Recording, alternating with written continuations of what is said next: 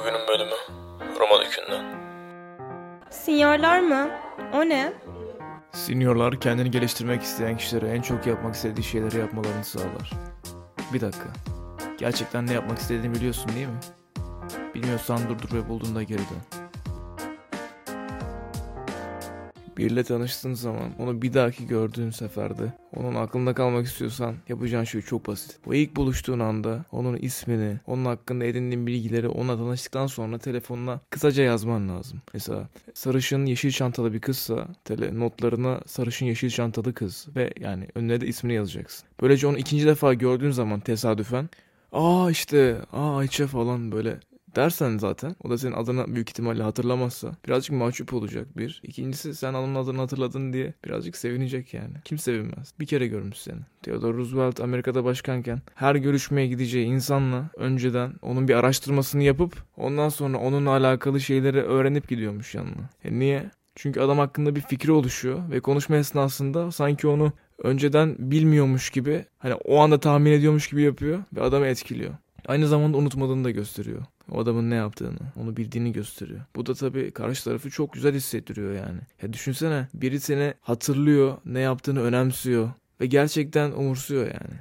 Bu bayağı etkileyici bir şey. Yani diğer insanlardan çok daha ayrıcı bir özelliğini gösteriyor. İnsanlarla tanıştığınız zaman onların isimlerini, fiziksel özelliklerini ve hobilerini eğer o anda fark, edebiliyorsanız veya size söylemişse bir kenara yazın. Bir daha gördüğünüz zaman bunu ona söyleyin. Şimdi o kişiyle tanıştınız diyelim. O telefonunuza eklediniz o kişiyi. Kız veya erkek. Bir network'ünüz oluştu. Telefonunuzda rehber bir kişi artı. Şimdi o kişiyle eğer güne yani her gün görüşmüyorsan arada görüşmen gerekiyor. Yoksa seni unutacak. Kişinin seni unutmaması için senin onu arayıp sorman gerekiyor.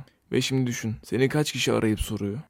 Çok fazla kişi değil. O yüzden seni arayıp soranlar gerçekten seninle iletişimini devam ettirmek isteyen insanlar. Yani bunun farkında olursan cidden onların koyduğu çabayı daha iyi anlayacaksın. Şimdi tanıştığın insanı telefonuna kaydettin. Bu güzel bir şey ama ikinci adım o kişiyle olan iletişimini devam ettirmek. Peki nasıl yapacağım bu iletişimi? Nasıl devam ettireceksin? Şimdi birincisi bayramlarda, yeni yılda bu adamı doğum günü de öğrenten çok iyi olur. Bu adamı kutlaman gerekiyor. Bu adama yazman gerekiyor. Bu bir. Çünkü şimdi bayramlar arası muhtemelen birkaç ay var. Ondan sonra doğum günü doğum günü var. Yani en kötü yani 4 3-4 ayda bir yazıyorsun ama 3-4 aydan bir de yazsan yine unutacak. O yüzden senin bu adama yani iki haftada bir kendini hatırlatman gerekiyor. Instagram'da takipleşiyorsan Instagram'da bir şey paylaşman bile o adamı seni hatırlatacak kendine. Yani ortak bir şey paylaşsan bile adam seni hatırlayacak. O yüzden benim e, burada önereceğim şey şu. Şimdi eğer aynı tip adamlarla beraber tanışmışsanız yani aynı tip insanlar